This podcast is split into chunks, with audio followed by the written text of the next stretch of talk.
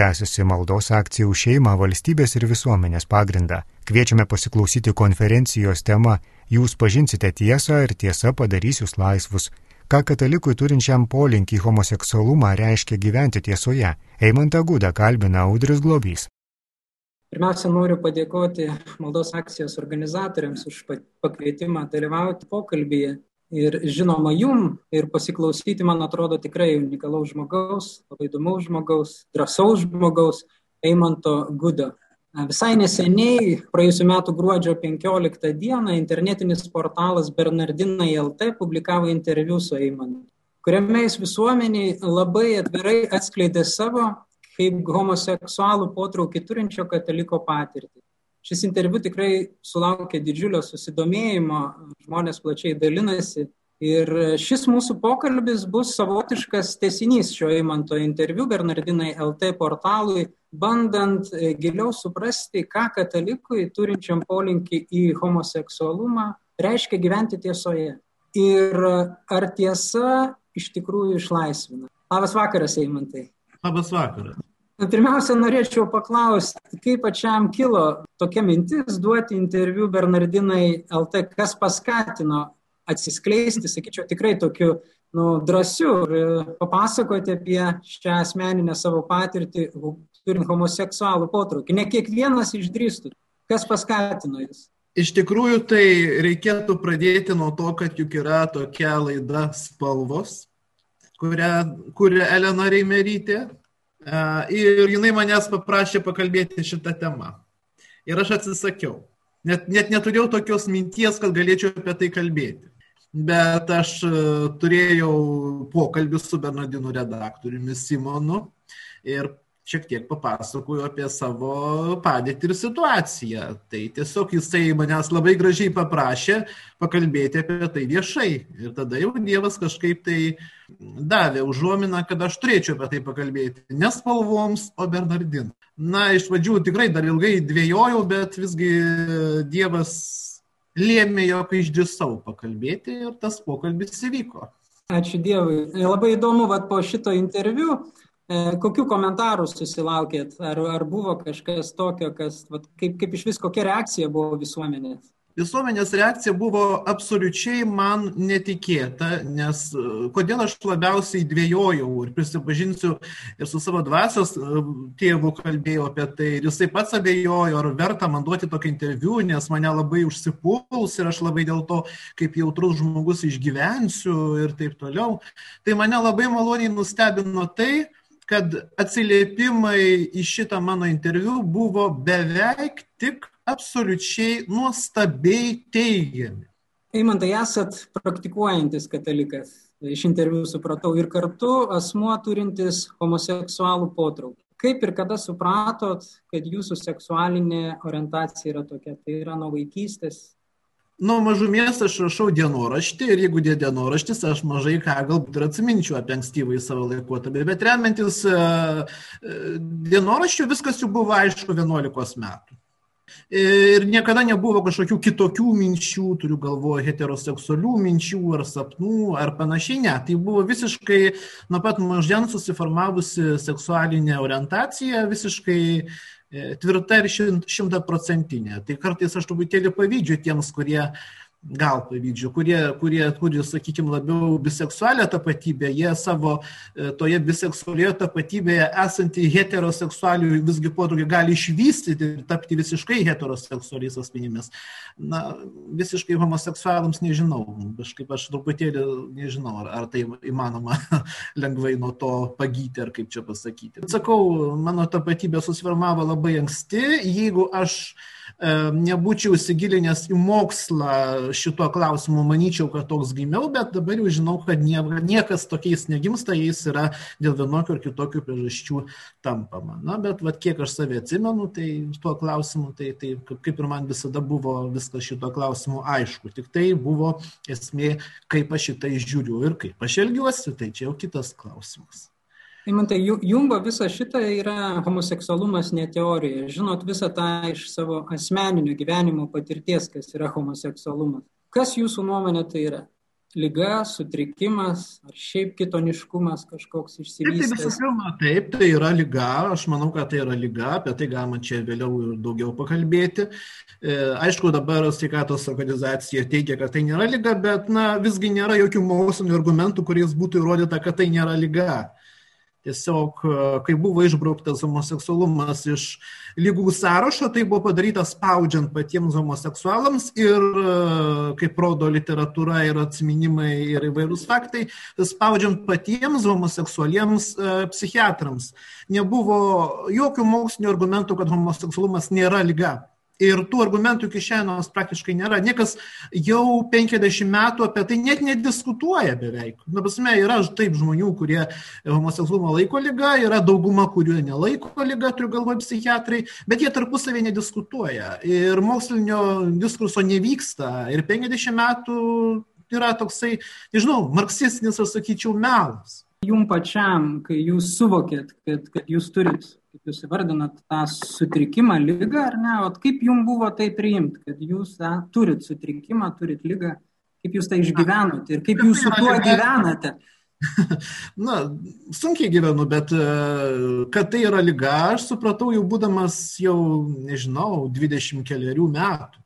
Gito man, kaip jūs teisingai labai pasakėte klausimą, tai atrodė tiesiog kitoniškumas ir tiek Kažkurį laiką atrodė, kad aš toks vienintelis pasaulyje, paskui paaiškėjo, kad ir daugiau yra tokių žmonių. Tiesiog, bet nežinau, aš kai, kai tą suvokiau, tai labai ramiai tą priėmiau. Bet vėliau, kai jau ėmiau suvokti, kad tai yra lyga ir kai ėmiau suvokti, kad tai yra nukrypimas ir kai, ir, ir kai galutinai priėmiau katalikybę, nes nu, seniau tai toks buvau truputėlį laisvamaniškas, nors visada buvau tikintis, bet leisdavau savo, kaip didelė dalis katalikų iki šiandienos leidžia kurti savo tikėjimą. O po to, kai priėmiau katalikų tikėjimą inkorporę visu, visas dogmas ir viso, visą mokymą, na, tada jau teko tą požiūrį truputėlį pakeisti. Galima sakyti, kad ar teisingai supratau ir iš interviu, ir iš to, ką dabar pasakėt, kad jūsų tas sutrikimas lyga kažkiek prisidėjo prie to, kad jūs pasukot radikaliai tikėjimo keliu. Ar yra tame kažkoks sąlytis? Net nežinau, ar, čia, ar, ar, tas, ar tas sutrikimas lėmė pasukti tikėjimo keliu. Tiesiog mano tikėjimo istorija yra šiek tiek gan plačiai išaiškinta interviu Bernardinuose, nežinau, ar verta tą kartoti. Paskaityti žmonės turbūt. Tai, tai, tai tiesiog Dievas viską sudėliojo savo vietas ir aš paklūstu Dievui tiesiog. Jūs priklausot kažkokiai bendruomeniai? Mm, bendruomenė, na taip, aišku, savo parapiją lankau Dominikonų Pilipo Jokūbo bažnyčios ir taip pat opusdėjų organizacijoje lankausi ir, ir dvasinį vadovavimą tenai gaunu. Jums svarbu būti bendruomenė? Kaip bendruomenė jūs priima? Bendruomenė būti yra svarbu, bendruomenė priima labai gerai. Nu, aš nežinau, gal kito interviu nelabai kas ir žinojo apie mano situaciją. Bet nei prieš tai, nei po to kažkaip niekada dėl to problemų neturėjau ir neturiu ir bendruomenėse jaučiuosi kuo puikiausiai. Eimantai, o ką jums pačiam asmeniškai reiškia būti tiesoje, nu, vat, priimti tą sutrikimą kaip tiesą, kas yra ar ne, ir su tuo gyventi? Kas jums pačiam yra tas tiesos? Ir to, ką moko bažnyčia, nes jūs minėjot, kad priimat bažnyčios mokymą visą pilną inkorporą. Taip, nors man nepatiktų, ar dar ten kažką aš įprimu ir, ir aš jaučiu, kad yra tiesa ir tose vietose, kur aš nepritariu, aš stengiuosi pritarti ir, ir mokausi, studijuoju, melžiuosi ir pritariu ilgainiui. Dievas tą leidžia. Taigi, paprastai tariant, iš tikrųjų, mano tas, jeigu taip sakytume, kryžius, aš taip su dvasios vadovu mes esame pripratę tai vadinti, aš matau tai kaip savo kelią šventumo link ir tiek. Ar tas tiesos prieimimas tikrai išlaisvina? kaip, kaip jūs jaučiatės iki tol, bet kaip jūs sakėt, galbūt tai kažkoks kitoniškumas ar ne, bet va, tas pats tiesos priėmimas, ką jis jums davė ir ar jūs, jūs išgyvenat tą išlaisvinimą, buvime tame tiesoje. Tam tikrą prasme taip, aš, aš turiu tikrą tokį tikėjimą, viltį ir taip toliau, kad jeigu aš elgsiuosi teisingai, po mirties viskas bus gerai, o šitą katorgą, kuri čia yra žemė, reikia kažkaip tiesiog išgyventi, nors tai kažkas čia gali ir nepatikti, ir būti sunku, ir, ir taip toliau, bet ta tiesa įda išlaisvina, žiūrint milijonų metų perspektyvoje, iš, iš, iš, išmetant truputėlį tai, kas gali vykti per tą nepilną maždaug šimtą metų, kai mes gyvename čia. Aš šeimą tai suprantu, kad jūs gyvenat skaičiai. Stengiuosi. Kaip jums sekasi? Iššūkis turbūt kiekvienam ir heteroseksualui. Kaip jūs šitą iššūkį priimate? Didelio skirtumo nuo heteroseksualų. Tiesiog visiems, visi, visi išgyvena savus, savus e, potraukius, savus e, išbandymus, e, savus parklupimus, atsikėlimus ir ėjimą toliau.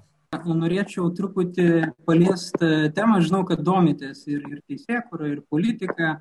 E, jūs turbūt žinot, ar ne? Ir vat praeitą mes savo maldos akcijos penktadienį turėjom tokį gil, gilius pranešimus apie partnerystę ir bendro gyvenimo susitarimą. Turbūt esate susipažinę jūsų jų skirtumą. Taip, žinoma.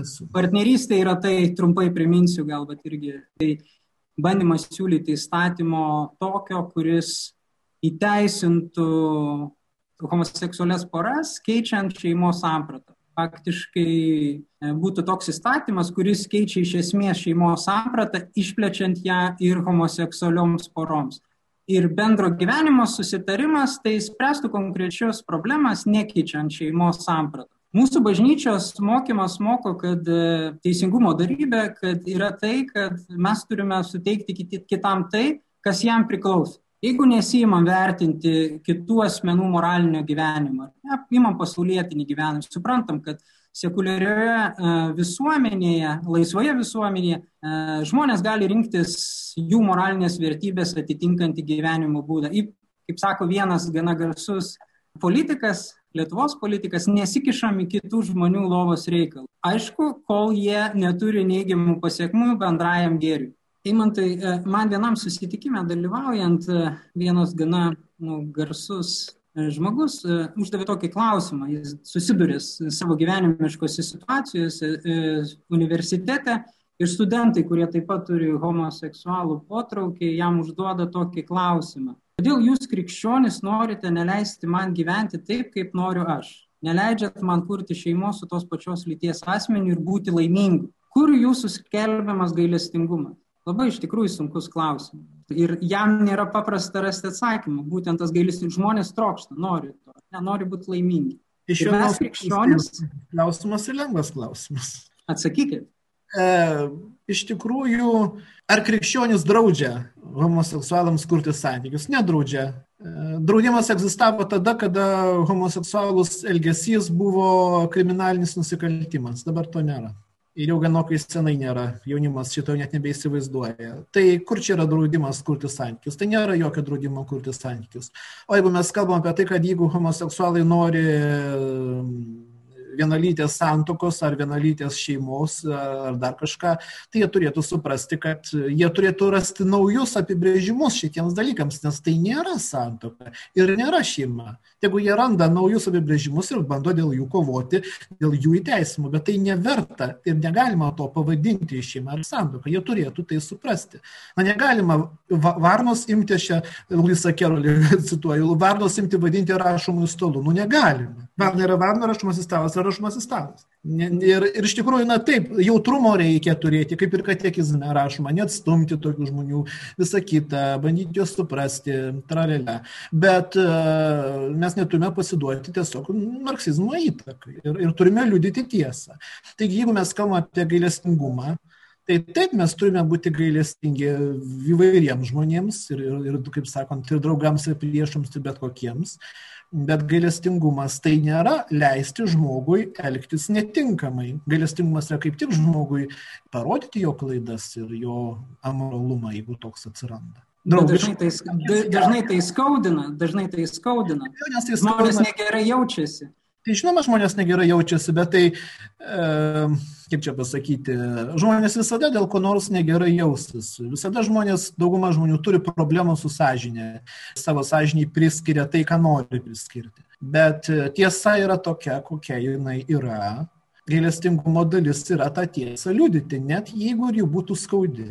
Tai aš manau, kad tiesą liudyti yra būtina, tik reikia pasirinkti labai jautres, malones, protingas ir išmintingas formas tam.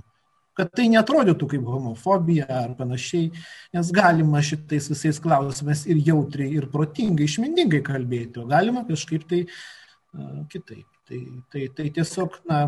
Kaip jums sekasi asmeniškai liudyti gailestingumą, va taip kaip jūs kalbat, va taip liudyti gailestingumą praktiškai gyvenime jūsų? Man sekasi šiaip jau liudyti gailestingumą daugiau ar mažiau, bet tiesiog yra žmonių, kurie nenori girdėti kitos nuomonės, Ir su jais tiesiog neįmanoma susišnekėti. Dažnai būna tai tiesiog šetono veikla ir čia kažkoks tai liūdimas ar, ar, ar geranoriškumas jis atrėmė į sieną ir baigta. Tai tiesiog mes turėtume stengtis tą daryti, bet suprasti, kad kartais, kartais tam yra barjerai, kurie tai daro neįmanoma.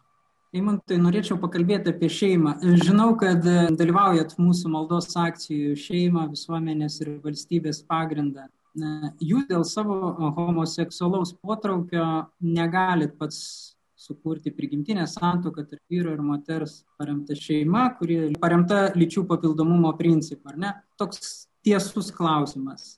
Kodėl jūs melžiatės? Šeimą ir už kokią šeimą jūs melžiatės? Aš melčiuosi saibę suprantama už tradicinę šeimą, visų pirma krikščionišką šeimą. E, aš puikiai suprantu, kas tai yra šeima, nes pakankamai gražioje šeimoje esu užaugęs matau viso to privalumus, grožį viso to. Ir aš nors pats negaliu sukurti šeimos, bet aš tikrai nuoširdžiai linkiu visiems, kurie gali sukurti, tai ir daryti. Tai visiškai nepriklauso nuo to, kad aš negaliu ir turėčiau kažkaip mąstyti šio klausimu kitaip. Na, tai mano požiūris yra šiek tiek panašus, gal aš taip įsivaizduoju, kunigų požiūrį. Jie irgi negali sukurti šeimos, bet ar dėl to jie nesimeldžia už šeimą? Meldžiasi, tai lygiai taip, aš, taip pat ir žiūriu šitą klausimą. E, popiežius Pranciškus, čia turbūt vat, irgi toks garsiai nuskambėjęs, e, jo buvo pasisakymas, ar ne, e, pasakė, kad homoseksualus asmenys irgi turi teisę į šeimą. Taip, tai yra labai svarbus klausimas ir šito klausimo aš norėčiau tikrai pasakyti labai svarbų rimtą dalyką.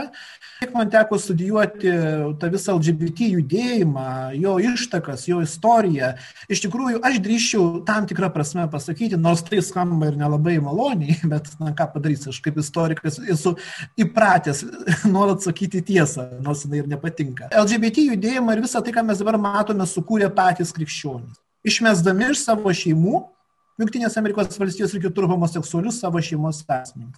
Narius. Tie nariai išmesti iš krikščioniškų šeimų išvyko dažniausiai kitus miestus - New Yorką, Los Andželas, San Franciską, susikūrė savo bendruomenės ir labai nusivylę krikščioniškomis šeimomis, kurios juos išvarė, sukūrė tai, tą judėjimą, kuris dabar ima kovoti prieš šeimą. Tai aš manau, kad popiežius Pranciškus labai puikiai paryškino šitą dalyką, kad e, šeima, krikščioniška šeima neturėtų išvaryti iš savo tarpo tų narių, kurie turi homoseksualų potraukį, bet nebūtinai, tai čia kalbama apie homoseksualų potraukį.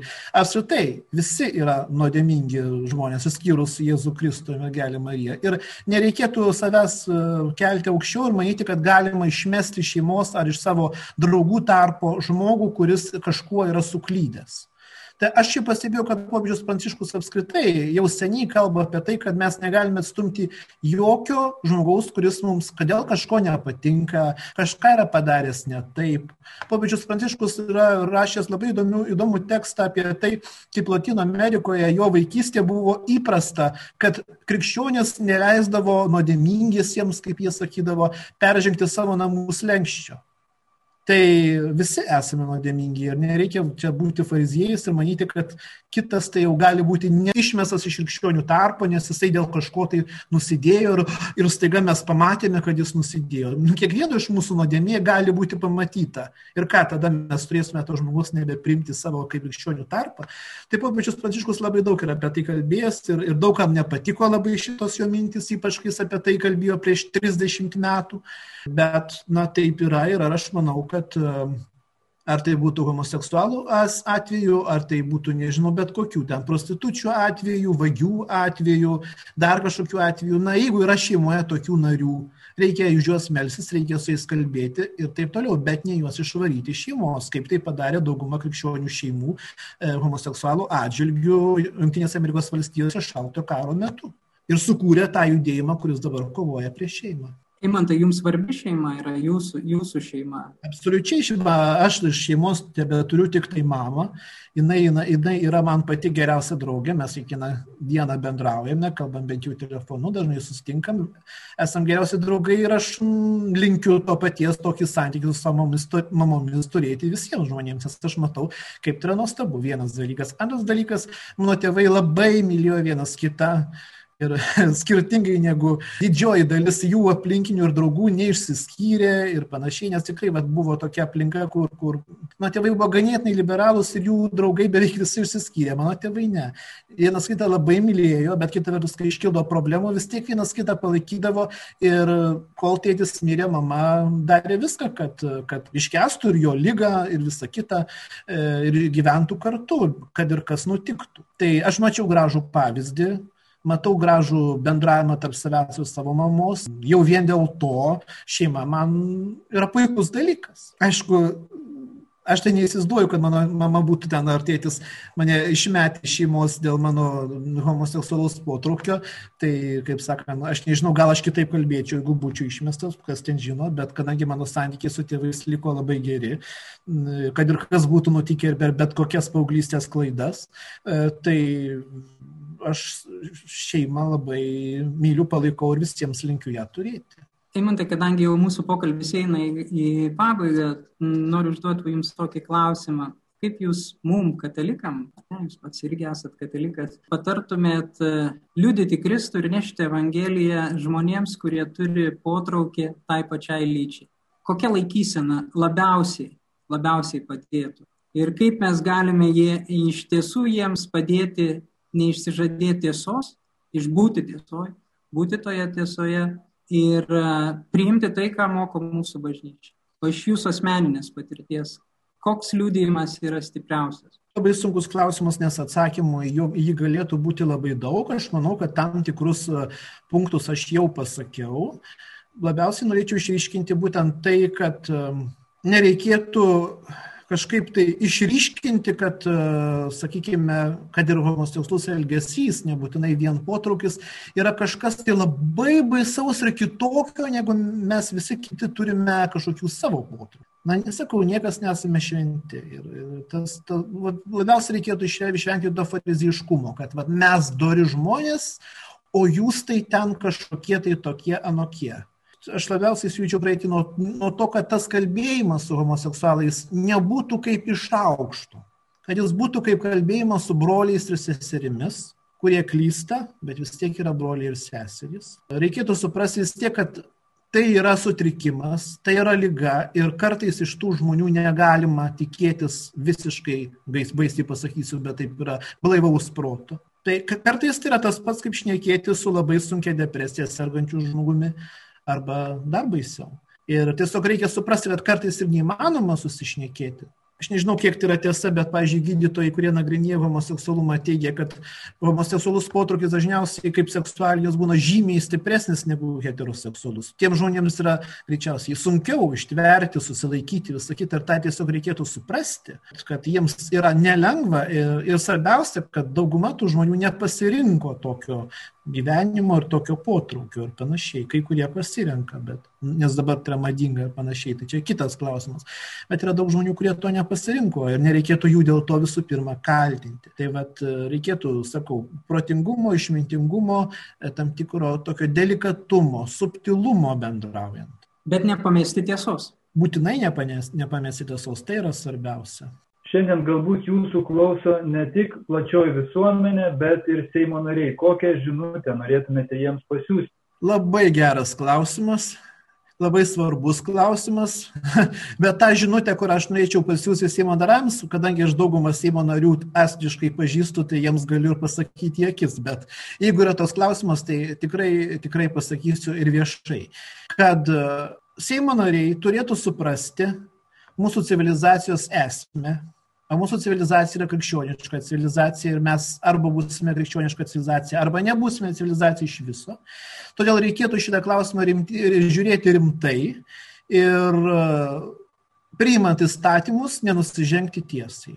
Tai jeigu konkrečiai, aš siūlyčiau visiems Seimo nariams labai rimtai apgalvoti šitą klausimą, kalbėtis su žmonėmis, kurie supranta šitus homoseksualumo ir panašiai klausimus, skaityti knygas, e, bendrauti su užsienio politikais ir svarbiausia suvokti, kur yra tiesa ir kur yra ideologija. Ir jeigu ideologija, žiūrint kokia ideologija. Aš manau, kad reikėtų daugiau supratimo ir daugiau um, elgesio pagal tai, ką jie žada ir kaip jie atrodo visuomeniai. Mes išrenkam politikus ir mes juos renkam pagal tai, kaip jie save pristato. Ir jie neturėtų elgtis kitaip, neturėtų nuvilti rinkėjų. Tai šiuo atveju, bet ne tik konservatyvūs politikai, bet kokie politikai turėtų liūdyti tiesą. O tiesa yra ta, kad homoseksualus elgesys yra nuodėmė. Valstybė negali, kad ir kas atsitiktų, palaikyti nuodėmės priimti tokius įstatymus, kurie niveliuotų tą nuodėmę, kaip nenuodėmę darytų ir panašiai.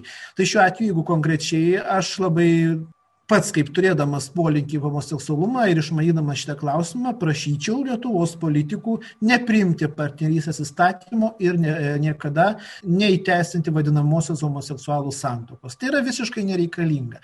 Visų pirma, tai yra nereikalinga ir didžiai daliai pačių homoseksualų, aš tai pirmiausia pasakysiu. Ir žinoma, tai nėra reikalinga plačiai visuomeniai. E, tai yra reikalinga labai mažai daliai LGBT judėjimo, kuri yra marksistinė. Ir man yra labai gaila, kad daug politikų, kurie šiaip jau lyg ir neturėtų būti marksistai, pataikauja tai marksistiniai grupeliai žmonių, kurie nesudaro turbūt nei vieno procento gyventojų. Ir dėl to keisti visą valstybinę sąrangą, įstatymus, visą kitą, tai yra absurdas. Aš nesakau, kad ten, nu čia daug galima to klausimų kalbėti, bet esmė yra tai, kad Aš manau, jog didelė klaida Lietuvos politikams ir ne tik Lietuvos politikams būtų įteisinti homoseksualų partnerystę ir vadinamąją santuoką. Tai būtų didelė klaida ir nusikaltimas žmonijai. E, ko palinkėtumėte, patartumėte homoseksualų polinkį turinčiam jaunam žmogui bažnyčiai?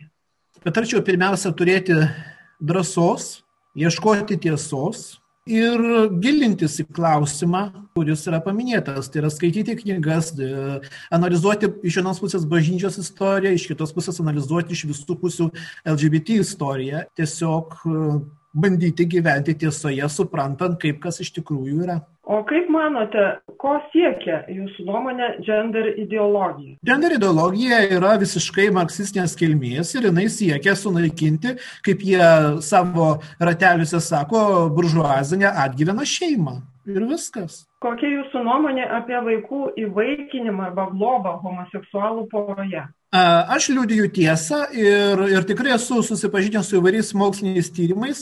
E, daug yra pasirodžiusių labai nemoksliškų, vadinamųjų mokslinių tyrimų, kurie teigia, kad yra tas pats ar ten taip toliau gyventi homoseksualioje ar heteroseksualioje šeimoje.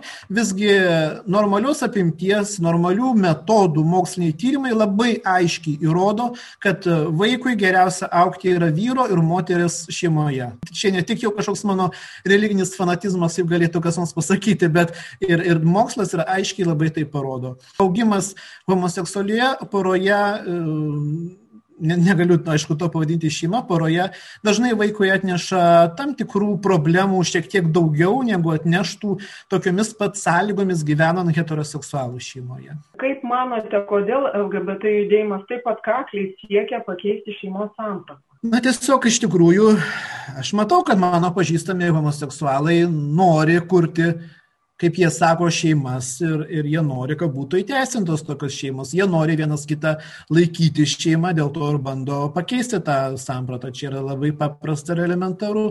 Tiesiog jie bando primesti visuomeniai savo norus. Kaip sakau, tegu jie vadina tai kaip nors kitaip, bet tai nėra šeima, ką, ko, ko jie prašo.